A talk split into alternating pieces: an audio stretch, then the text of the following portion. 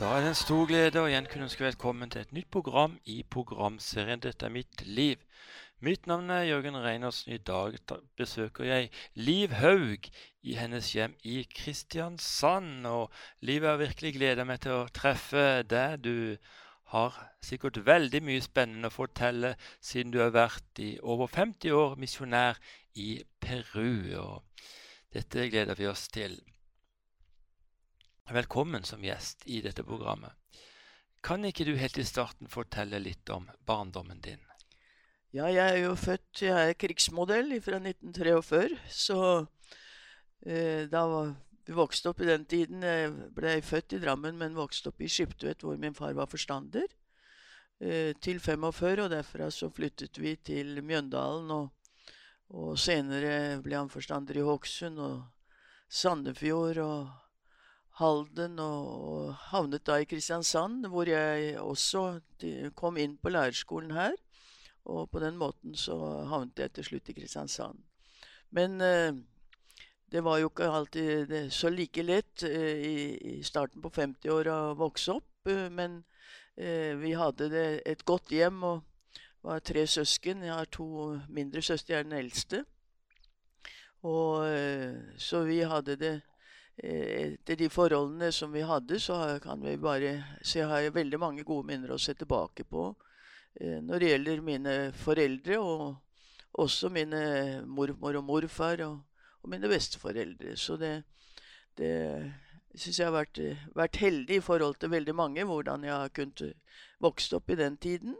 Selv om det også det skapte sine Eh, konflikter og problemer. Det var ikke like lett alltid å være datter til forstander. Det ble satt en del krav også som, som skapte en del konflikter i meg i, i tenårene. Men, men, jeg kom gjennom det også. Ja, Ble du mobba på noe vis, eller? Ja, til en viss grad. Fordi at jeg var veldig aktiv eh, da. og og jeg var veldig eh, Kan du si når jeg, Hvis jeg så ting som jeg syntes var urettferdig, så reagerte jeg ganske kraftig, og så var jeg veldig sterk. Og så I den tiden så var det jo jente, gutter og jenter Vi var jo på hver vår klasser. Og, og på skolegården så skulle vi også være Fikk vi ikke lov til å være sammen, da. Og det var jo alltid noen gutter som skulle prøve seg over og sånn. og og da ble jeg satt til å være politi og passe på jentene og sånn, og da ble det en del slåsskamper med gutter og sånn, og, det, og da fikk jeg jo høre noen ganger Og du er dattera til en pastor. Så det, det, kunne jo hende. Mm.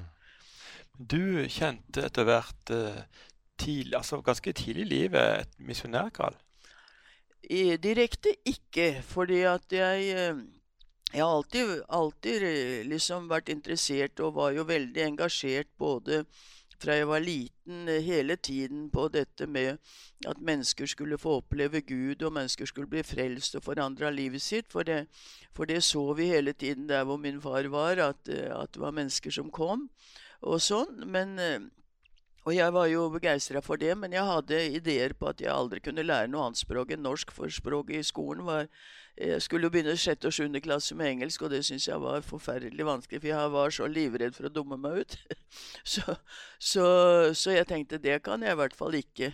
Men eh, eh, så jeg var ikke noe sånn direkte på det, men jeg var jo liksom aktiv i menigheten og sånn eh, stort sett hele tiden. Så det var først når jeg kom til siste året på lærerskolen som jeg eh, følte at jeg fikk et kall ifra Gud, og, og følte jeg måtte ta stilling til en, eh, et spørsmål som jeg følte kom ifra Herren.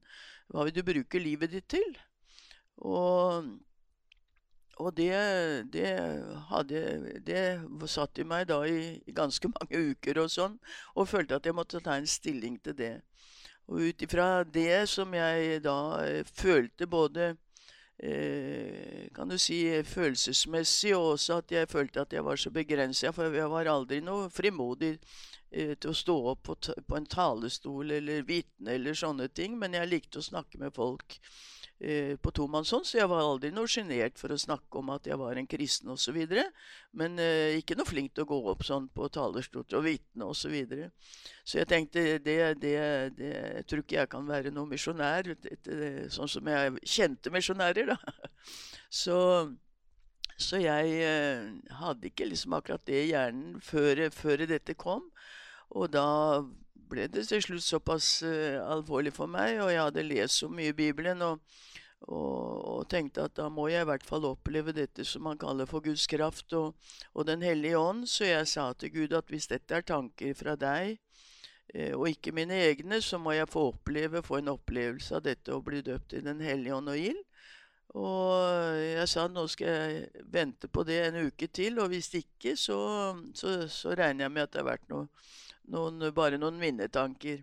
Og Det var på en søndag som jeg sa det til Gud, og på tirsdag så opplevde jeg, fikk jeg en spesiell opplevelse på dette. Så da på onsdag morgen så måtte jeg jo bekjenne min, det som hadde skjedd, og, og sa til mine foreldre at nå må, har jeg lovt Gud at jeg skal reise som misjonær. Eh, og da ble ikke de noe for overraska, for de sa dette det eh, Det hadde vi liksom eh, Når du ble født, så var du liksom overgitt til Gud. Så de, de hadde liksom bare ventet på det, men de har aldri presset meg på noen måte. Så det der, også da gikk det jo sin var. Jeg var tre år i Danmark som uh, lærer for norske elever på Mariager folkehøgskole. Uh, for å betale studiegjelda mi. Og, og også for å, å forberede utreisen da. Eh, som ble bestemt at vi skulle reise til Peru. Vi hadde ikke noen norske misjonærer som jeg kjente der. Men eh, så vi hadde, jeg, jeg også en annen kandidat fra menigheten her, Edith Aateigen, vi hadde bestemt å reise først til Bolivia, for, for, Peru, for Kristiansand hadde en misjonær i Bolivia. Eh, men hun anbefalte å reise direkte til det, så da ble det bestemt dette. Og så fikk vi kontakt med John og Gro Agersten, da. Eh, så det siste året som jeg var i Danmark, så Edith Aateigen da hun reiste ut uh, før meg uh, for å avløse de etter den første perioden de hadde hatt da i den øvre delen av Maranhong. Så i juni, da jeg var ferdig med min kontrakt i Danmark, så reiste jeg i juni da i 1971 til Peru for første gang. Hvordan ble du mottatt i Peru? Ja, jeg ble jo mottatt av svenske misjonærer. Eh, Lennart og Bojan Lindgren. De har jo vært så sjenerøse og, og, gode mot alle misjonærer som har kommet til Peru. Eh, de arbeidet i Lima, hadde først arbeidet oppe i, i fjellene, i Andesfjellene i Peru. Så de tok imot oss, og det, det, var en organisasjon da, så jeg skulle jo bli registrert da. Og så hadde jo Joteigen kommet da fra jungelen opp til Lima for å møte meg. Sånn at når, fått, når jeg hadde fått oppholdstillatelse, så kunne vi reise dit opp da og starte misjonsgjerningen. Eh, og I dette området så hadde de jo akkurat startet opp, og det var et lite sted, Tigreplaya, som det og ikke var mange, mange, hus på. Det første jeg tenkte når jeg kom dit, at hvis jorda går under, så merker jeg ingenting. For det var fem døgn med flodbåt fra Iquitos og oppover. Og, og, alt var jo en kjempe, kjempeovergang fra Norge og, og til og med fra Lima, som er Perus hovedstad. Uh, når du skulle begynne å oppover disse flodbåtene med, med, hvor det var altså åtte køyer, og så var det 150 passasjerer. Eh, og, så de lå jo overalt i hengekøyer og, og, over esker og det som de kunne komme på. Og du skulle inn på disse toalettene, så var det et hull i gulvet. Og, så, og jeg skjønte ingenting, for da, der, jeg skulle inn og der, så var de stappa fulle av skilpadder. Og jeg tenkte ja, åssen skal jeg finne dette hullet i gulvet ja, blant alle skilpaddene? Det verste var jo at når vi skulle begynne å de skulle begynne å servere oss mat, så var det jo skilpaddesuppe, så jeg skjønte jo at de var der til oppbevaring til at de skulle bli kokt til vår mat oppover turen. da. og, og vannet i Amazonas det var så brunt, så det, det, alt dette her Og da, den gangen gikk det ikke an å få kjøpt vann som vi kan nå, og alt mulig sånt nå, så det var ganske tøft i, i den første tiden, da. Så, så det var en stor overgang å, å komme dit opp og mange store utfordringer, fordi at det, det var så, så, det eneste måten å komme fram på, det var jo elver. Maranhong er en kjempeelv. Eh, som er flere kilometer bred, tror jeg. Du kan nesten ikke se over den. Så det er liksom den som gir mat eh, og vann til Amazonas. En av de mange elvene som gir vann til Amazonas. Så, så Og ikke kunne jeg et ord spansk.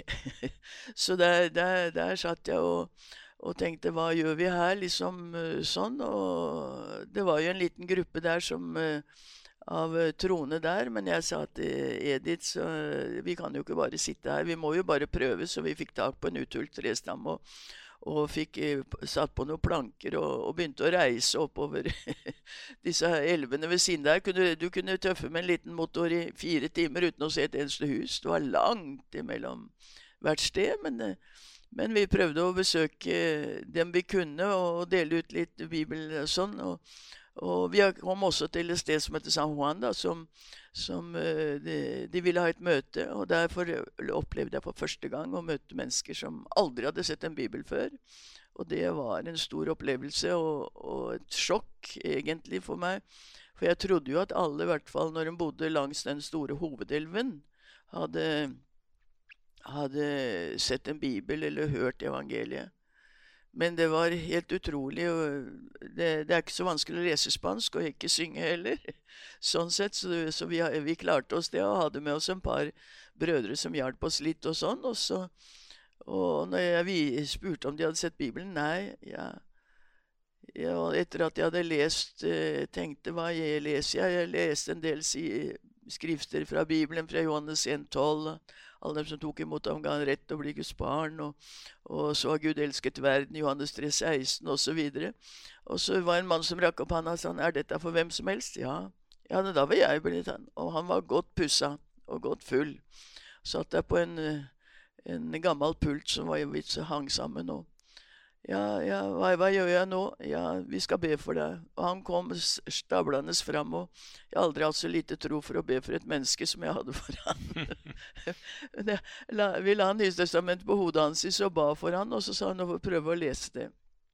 Og det som eh, var så fantastisk å se hvordan Gud virker igjennom sitt ord, det var at når en, etter en måned vi hadde mulighet til å komme tilbake, så sto den mannen på stranda og hadde stått der hver dag siden vi var der, og ventet på oss. Og, og jeg sa til Edith det må være han som har blitt frelst, for det kan du se på hele ansiktet. Og det var det. Umberto het han.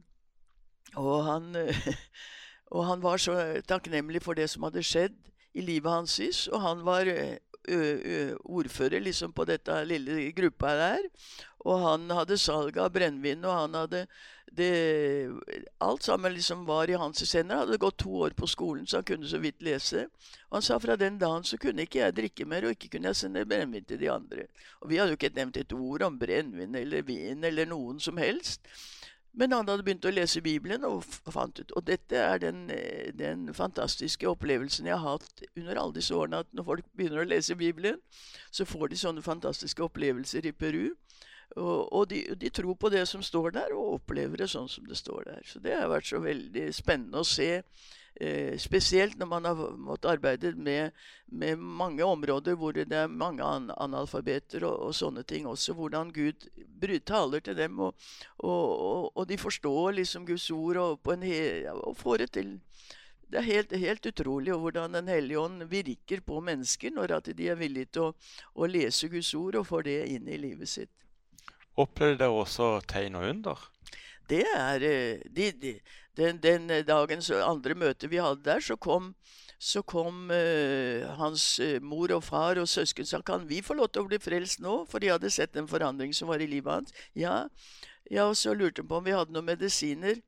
Eh, og vi hadde alltid med oss noe, eh, kan du si, noe til sårbehandling og alt mulig sånt noe. For eh, Edith hun, eh, hun var ikke utdanna sykepleier, men hun hadde greie på sånne ting. Og vitaminer og plaster og alt mulig sånt hadde vi med oss. Og så sa vi det at men vi kan, Jesus han kan helbrede. Ja, da vil vi mye heller at, du, at, dere ber for oss, sa de da med det samme. Og sånn har vi opplevd hele tiden, at mennesker de kommer til tro, og de blir bedt for. Og, og de ber for hverandre. altså De er ikke avhengig av at det er bare misjonæren som ber for dem, osv. Så, videre.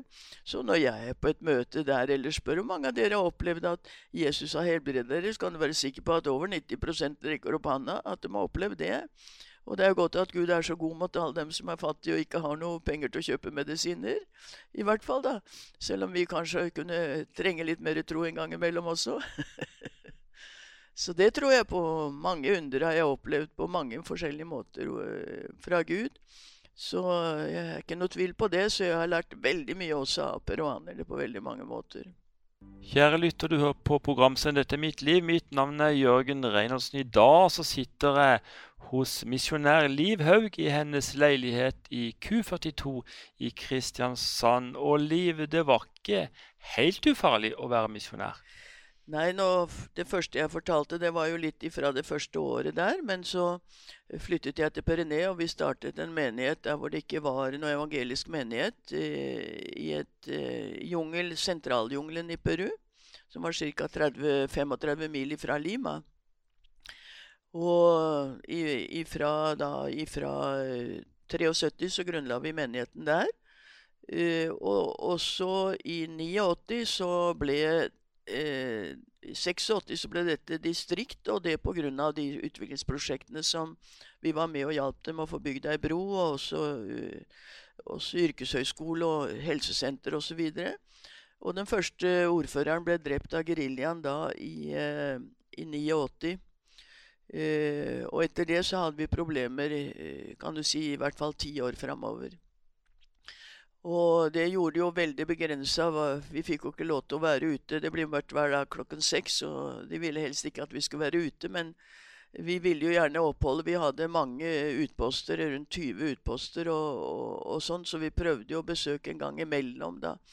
Og en, eh, under en av disse under denne tiden da, så, så hadde jeg bestemt meg for å reise opp til en utpost som heter Margarita, for å vise en film en lørdag kveld. Så jeg hadde, For vi hadde jo ikke lys enda. Jeg var 30 år uten, eh, uten, strøm og telefon der også.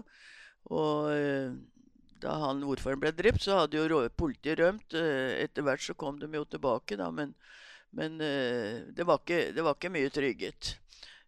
Så jeg reiste opp der en lørdag kveld og, og hadde en liten lysmotor som, kunne, som, var nok til å dra rundt denne smalfilmen da, som vi hadde. Og, og vi viste da en kristen film, og mens vi holdt på med det, og det var helt stappa fullt eh, lokalet vårt eh, av barn og, og ungdommer og, og, voksne, så så vi hele lokalet vårt ble omringa. Og det var eh, geriljaen og eh, terrorister da som, som hadde kommet, en gruppe. Og lederne der ble jo veldig, veldig redde og sa 'hva gjør vi nå?' Så sa jeg 'vi bare ber stille, og så fortsetter vi å vise filmen'. Og vi eh, fortsatte å vise filmen, og, og innen vi klar, ble ferdig med den, da, så så vi at skyggene forsvant. Og når møtet var over, så, så lasta jo jeg ned det. Jeg hadde med meg to søstre da fra, fra byen jeg hadde kommet fra. Det var ca en eh, to-tre mil. Eh, på veldig ensomme veier og, og, sånn, da. Så jeg fikk lasta opp dette i bilen, og vi reiste tilbake til Perené. Og kom greit hjem. og og så videre. Klokka seks på morgenen så sto de og banka på døra, og så sier de til meg 'Har dere kommet hjem levende?' 'Ja da', sa jeg. 'Vi har kommet hjem'. Ja, denne natta så ble det bare tre som var blitt eh, drept i den eh, landsbyen som vi hadde vist den filmen. Og, og flere sånne grupper av, av, terrorister hadde gått på samme veien som jeg hadde kjørt. Og jeg hadde ikke sett en eneste en av dem, så jeg, jeg tror jo på at jeg har hatt englevakt den, den natta. Og, og, sånn har jeg opplevd i mange tilfeller hvordan Gud har, har beskytta meg og, og hjelpa meg under den tiden også. For jeg fikk jo beskjed fra UD at jeg skulle bare komme meg ut av området. Men jeg følte at det var viktig for befolkningen at jeg skulle være der. Og, og det tror jeg også ga mot til dem. Og, og vi så hvordan Gud hjalp oss gjennom den, denne vanskelige tiden også. Mm. Var du redd på den tida, eller? Jeg, var, jeg var ikke, kan ikke si jeg var redd, men jeg fikk en helt annen holdning til hele livet under den tiden. Fordi at jeg visste at neste dag så så, så, kunne jeg være død, holdt jeg på å si. Hver gang det var fullmåne, så var de jo og, og skrev slagord på kirken vår, og overalt eh, så malte de slagord osv. De behøvde jo ikke engang lommeløkt lommelykt når det var fullmåne. Og, og, vi visste at neste dag, for vi hadde ingen beskyttelse eller noen ting mer enn vi stolte på Gud. Og da fikk jeg liksom et sånt forhold at det nå Jeg hadde aldri sett døde mennesker før før dette her skjedde. Og når du plutselig ser døde mennesker som ligger i veien og med skilter på seg 'Sånn dør forrædere', 'Sånn dør den', og 'Sånn dør den', så, så gjør det noe med deg. Eh, og samtidig så, så, tenkte jeg at eh, kjære Gud, nå er det viktig å gjøre det viktigste i dag, og ikke vente til i morgen. Og, og, noe av det har liksom fulgt meg resten av livet, egentlig. Hvor viktig det er også å priorisere den, den, dagen du har, for det er ingen av oss som vet om vi lever i morgen. Eh, at vi kan priorisere det som er viktig den, den dagen vi har fått til å leve. Du ble valgt til ordfører der nede, og det var med hele 80% av stemmene. Ja, det var nok mye pga. at jeg var der under dette med geriljatiden. Eh, så fikk jeg bygd opp tillit, samtidig som disse prosjektene som jeg hadde gjort, som jeg nevnte, den ble gjort uh, egentlig før jeg var ordfører. For jeg ville vise at uh, som ordfører så kunne vi gjøre noe med de få midlene som var der nede. Og det prøvde jeg da under to perioder. Og jeg hadde en fredsplan nettopp for å få tilbake freden i, i, i vårt distrikt. For jeg visste at uh, mye av denne sosiale urettferdigheten og uroen den kom jo fordi at alle myndighetene aldri var på hos, hos, uh, ute hos folk.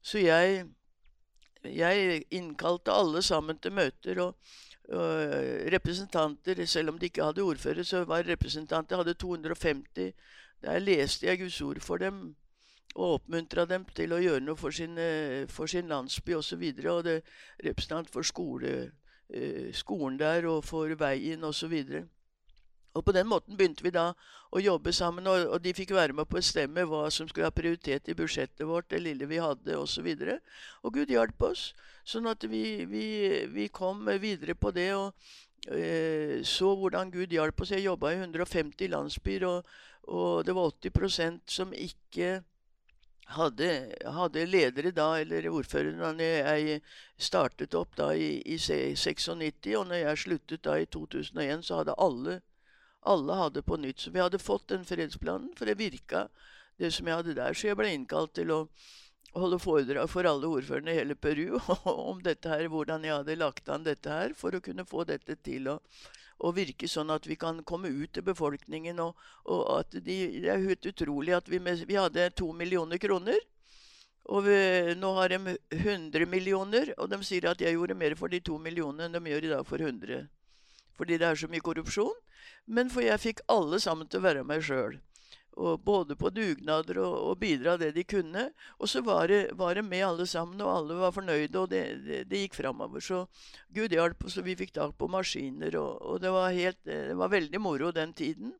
Så jeg kan reise rundt i hele dette distriktet og er velkommen overalt. og og, og, og, fortsetter å dele evangeliet der. Så, så Guds ord, det, det, det, går fram. Og så får vi se at Gud er med oss også i vanskelige tider.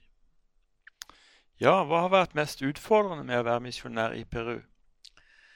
Ja, det var vel ikke det kanskje Det som Det har vært størst utfordringer eh, egen, Det som jeg følte som min egen begrensninger. At jeg var livredd for å dumme meg ut og, og, dette med å lære språket. Men jeg måtte jo lære språk, så det lærte jeg da med naturmetode. At jeg snakka med folk som jeg møtte, og lærte det på den måten. Så det har jeg ikke noe problem med. Og jeg var jo ordfører der i 13 år til sammen, og, og både må lese og, og skrive spansk. Så, så, det har jo gått bra. Og så lærte jeg noe av de at de er ikke redd for å le av seg selv. Og det har vært en kjempehjelp for meg. Fordi når jeg begynte å lære dem å spille en gitar etter, Når jeg har lært én dur, så gikk de opp og sang en sang og ikke bytta en eneste gang. Og, og alle lo jo, og de lo sjøl. Og, og, og, jeg har lært også å kunne le av meg selv. Og kunne ikke ta så alvorlig mange situasjoner som man liksom er livredd for å dumme seg ut. Så det har vært en veldig stor hjelp.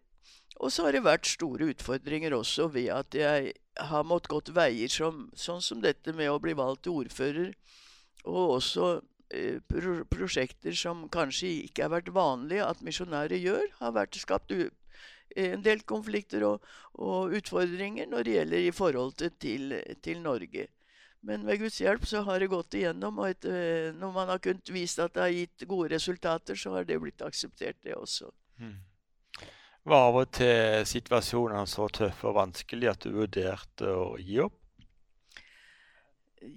Nei, ikke det, Jeg kan ikke si det. Jeg, jeg, jeg, føler ikke liksom at jeg har møtt veggen noen ganger. Men, men at jeg syns at en del ting var urettferdig, det, det syns jeg jo liksom i behandlingen jeg fikk liksom fra noen organisasjoner i Norge osv.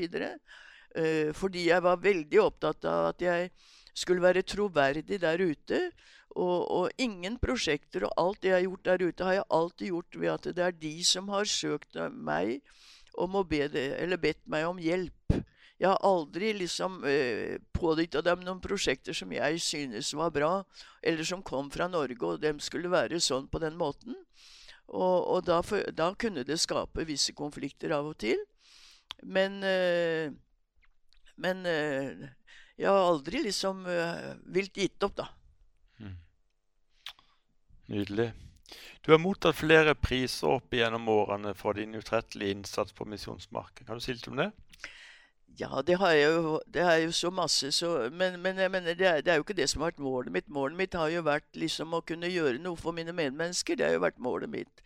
Men jeg har jo satt veldig stor pris på at jeg fikk solordenen fra presidenten i Peru etter at de hadde beskyldt meg for å være korrupt og, og, og, og tatt inn betalinger for den broa som hadde gitt, eh, Norge hadde gitt til Peru, og, aldri fått et øre. Eh, så ble jeg beskyldt for det, men eh, det endte med at jeg fikk, ble utnevnt av Fikk solordenen i, i Peru. Og etterpå så har jeg jo fått blitt slått av ridder til første klasse av kongen i Norge. Eh, jeg har fått den, den høyeste prisen jeg kunne få både i Chanchamayo som provins der hvor jeg bor, og også i fylket der jeg kunne bo, eller har bodd da, og bor, i Peru. Også Eh, og hundrevis av eh, diplomer og utmerkelser. Men som sagt, jeg setter veldig stor pris på at eh, folk er takknemlige for det. Men jeg føler meg realisert ved at jeg kan få gjøre noe det som jeg føler er viktig og at jeg kan forbedre eh, kvaliteten i levestandarden for mine medmennesker. Det har vært liksom det som har vært min, eh, min puls i det jeg har holdt på å gjort. Og da føler jeg meg tilfreds. Så jeg er ikke liksom avhengig av at folk skal komme og takke meg for det. Og da får du så mye mer avslappa forhold til det og, og sånn, og, og, blir ikke liksom sånn stressa på om ingen setter setter like stor pris på det som du forventa, da. Mm. Du har aldri valgt å stifte familie.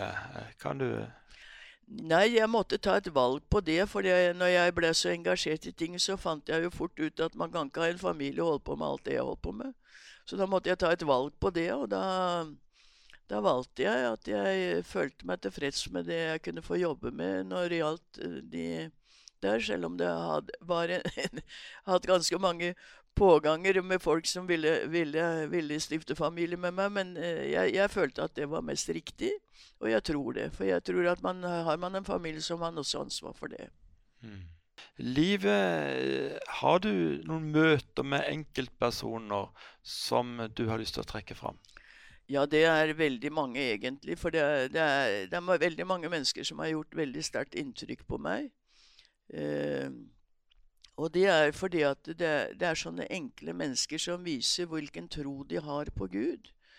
Og en av de som, eh, som jeg har vært veldig engasjert med, det er jo Manuel. Han eh, var uteligger. En eldre mann som, eh, som kom til oss en dag som det regna så fælt, og, og, spurte kan jeg få sove her i natt. Og han hadde jo aldri gått i hele Peru. Han snakka ikke spansk, men Gladys, min medarbeider, hun snakker quechua, da, så hun snakket med han. Så han brukte å ligge bare på, på et fortau. Og så Dette var jo på, på begynnelsen av 90-tallet, eh, tror jeg.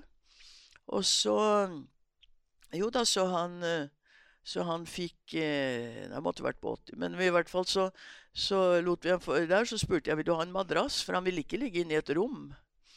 For han var vant med å ligge ute, så skulle han ligge i eh, det som var vår, vår spisesal. da. Og så ha en mann? Nei, sa han, da kan jeg bli bortskjemt. Og så, så, fant jeg noen svære papper fra en, noen esker jeg hadde fått noen sendinger av noen klær fra Norge. Og så lå han på det, og dagen etter sa han tusen takk, dette var den beste senga jeg har hatt i hele mitt liv.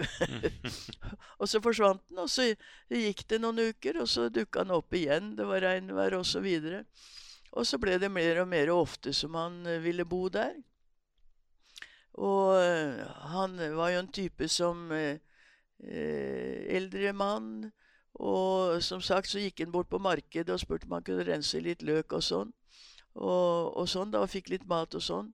Men det som var så imponerende, det var jo å se han eh, klokken fem på morgenen hver dag. Så lå han inne i vår, vår kirke, og så begynte han å takke Gud for at han var en stor, allmektig Gud, og at han skulle sørge for at han fikk den maten han trengte den dagen. Og så var han ute på forskjellige ting. og og til slutt så vi, var han jo inne i et sånn nestenrom, da, men det var i hvert fall én vegg som ikke var der. Og der hadde jeg alle gassflaskene mine. Og så var vi ute og hadde, hadde opptil 30 møter i uka jeg, eh, i tider der. Og var ute og hadde besøkt utposter, så kom jeg tilbake var fullt av røyk. Så tenkte jeg nå er det, nå er det brann. Og så eh, kom vi inn der, og da får vi se han ligger og sover. Og så hadde han tatt opp åpen ild inni inni dette rommet for, for myggen, og så var det fullt av gass. Ti glassflasker. Og jeg var livredd, så jeg tenkte nå, han kunne ha sprengt alt sammen. Og så sa jeg til Gladys du må si til henne og forklare henne på, på Ketcho at han ikke kan gjøre det, for det, det, er livsfarlig. For jeg kan jo brenne Han kan brenne opp han, og han, vi kan brenne. Og så titta på oss og sa med store øyne sånn Ja, men det brenner jo ikke for snille mennesker. Så det var hans livsfilosofi. Og han hadde en sånn enkel tro på Gud at han lærte meg hver eneste dag, for vi hadde møter hver eneste kveld. Og han var på hvert eneste møte. Og hvis han hadde, hadde fått eh, fem øre eller ti øre eller, eller en soll som, eh, der som tilsvarer to-tre kroner, så kan du være sikker på han ga det i kollekten. Han tømte lommene hver eneste kveld. Og dagen etter så ba han til Gud om å få den maten han trengte. Så han levde etter disse, dette som det står i Bibelen, at vi ikke skal bli bekymret for dagen i morgen.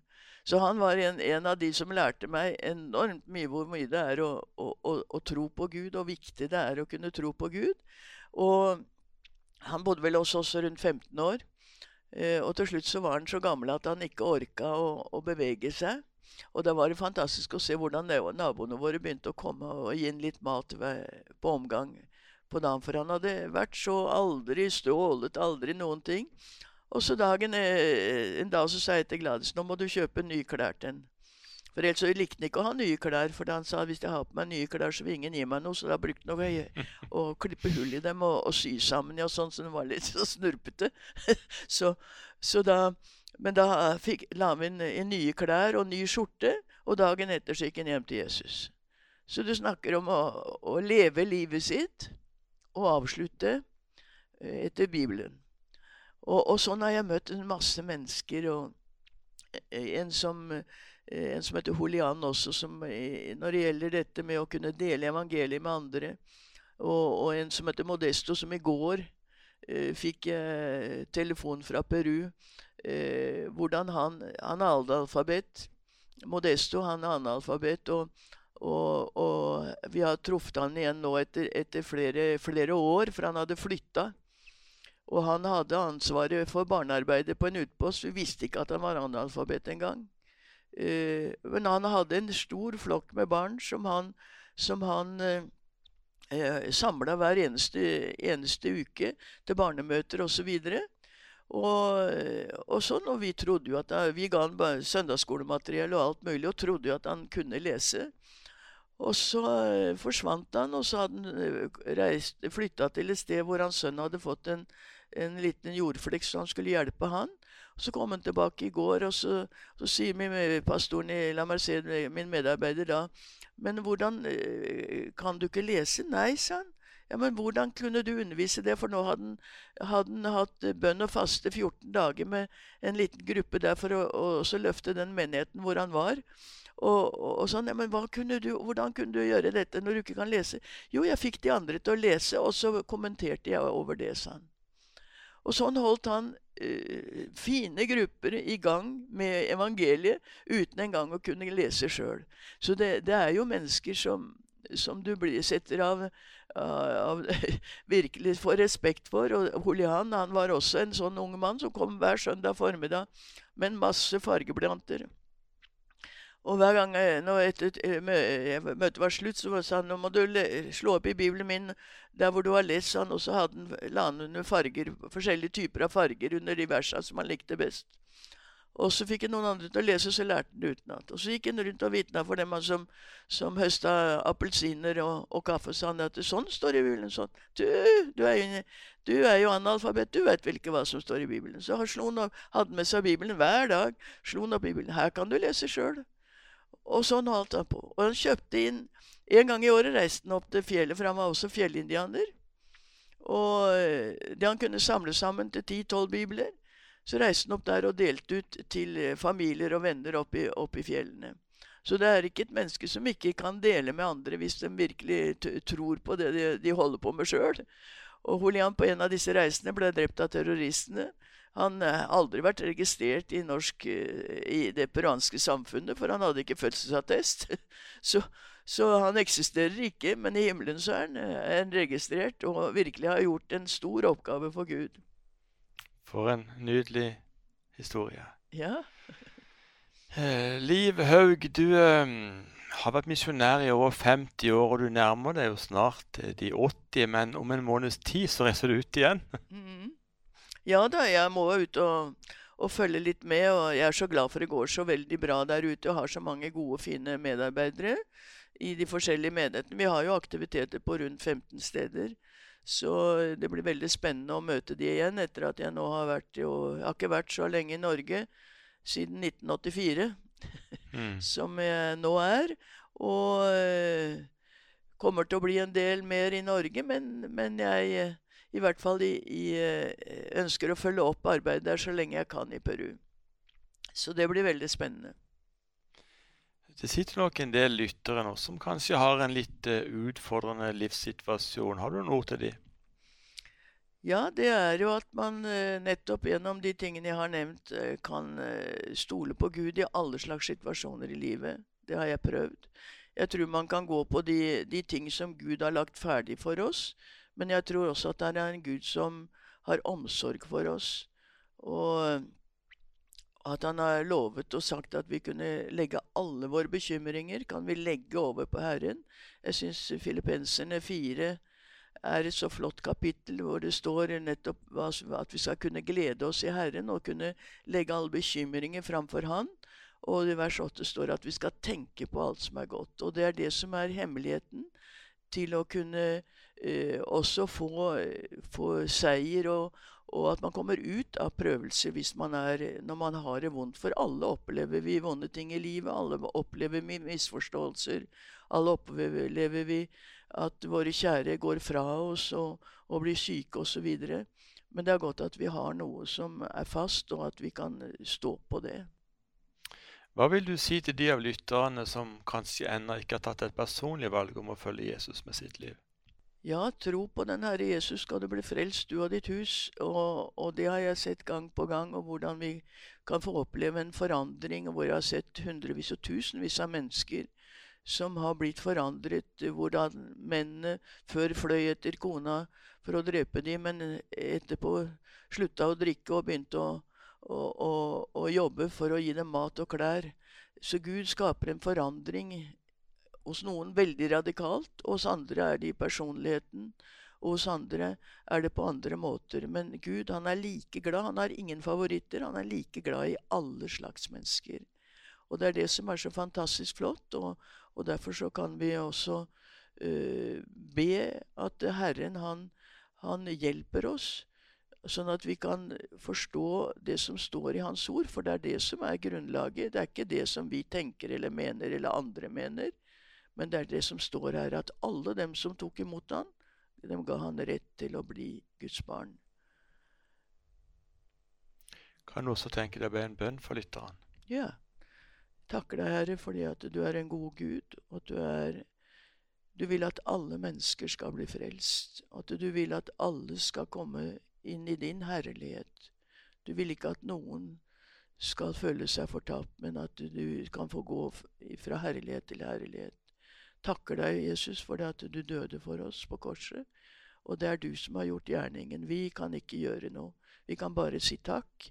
Og vi takker deg for det, at det er så enkelt at alle slags mennesker kan få tro på deg, om de kan lese eller ikke, om de har hatt en annen bakgrunn eller ikke, om de har penger eller ikke. Takk for at i deg så er vi like, og vi kan bare si takk, Jesus, for det du har gjort for meg. Amen. Amen, amen. Liv Haug, hjertelig takk skal du ha for du takker ja til å være gjest i dette programmet. Må Gud rikelig velsigne deg, din tjeneste, i årene fremover. Tusen takk. Kjære lytter, du som nå ønsker å respondere på Liv sin hilsen og bønn, og invitere Jesus inn i ditt hjerte, kan be denne bønnen etter meg. Jesus, jeg kommer til deg nå slik som jeg er. Tilgi meg for mine synder. Jeg tar imot deg som min Herre og Frelser i livet. Takk at jeg nå er et Guds barn fordi ditt ord sier det. Vi vil veldig gjerne komme i kontakt med deg som ba denne bønnen, slik at vi kan sende deg en gratis bibel i posten. Du kan kontakte meg, Jørgen Reinersen, på Facebook, eller så er det kontaktinfo på vår hjemmeside 9010.no, altså nitti10.no. Her er det også et stort utvalg av videoer fra våre arrangementer. Denne programserien som heter Dette er mitt liv, er nå også tilgjengelig på podkast, både på Spotify og Podbean, så hør gjerne programmet i reprise sammen med noen venner. For en gripende livsreise, og for noen rørende historier fra misjonsmarken vi har fått høre i dag. Men det er ikke bare noen få som er kalt til å virke for Gud. Vi har alle fått en nådegave, og vi har alle fått et oppdrag om å være lys og salt. Jesus sa til disiplene, Dere er verdens lys, dere er verdens salt. Og dette før de i hele tatt var kommet i virksomhet. Jeg vil lese om dette fra Matteus evangelium kapittel 5 vers 13 til 16, og jeg leser fra Hverdagsbibelen. Dere skal virke som salt på jorden, som bevarer verden fra forråtnelse. Men hvis saltet mister sin saltkraft, hvordan skal det da bli salt igjen? Da duger det bare til å bli kastet på bakken og bli tråkket på av menneskene. Dere er satt i verden for å bringe lys. En by som ligger på et fjell, lyser slik at den ikke kan skjules. Man tenner heller ikke en lampe og gjemmer den under noe. Nei, man setter den fram slik at den kan lyse for alle som er i rommet. På samme måte skal dere skinne for menneskene rundt dere. Når de ser de gode handlingene deres, og hvor godhjertede og sjenerøse dere er, da vil de på grunn av dere takke Gud, Han som er deres far i himmelen. Vi lever i en tid hvor veldig mange mennesker er redde og engstelige. Mange sliter med sykdom eller har andre utfordringer i livet. Vi kristne trengs på banen, kjære venner. Må vi med Guds hjelp få se mennesker med Hans øyne. Og må vi rekke ut våre hender for å hjelpe dem. Husk, kjære lytter, du er høyt elsket av Gud. Du er verdifull. Det finnes bare én som deg. Vi takker for i dag og ønsker deg det beste av alt Guds velsignelse.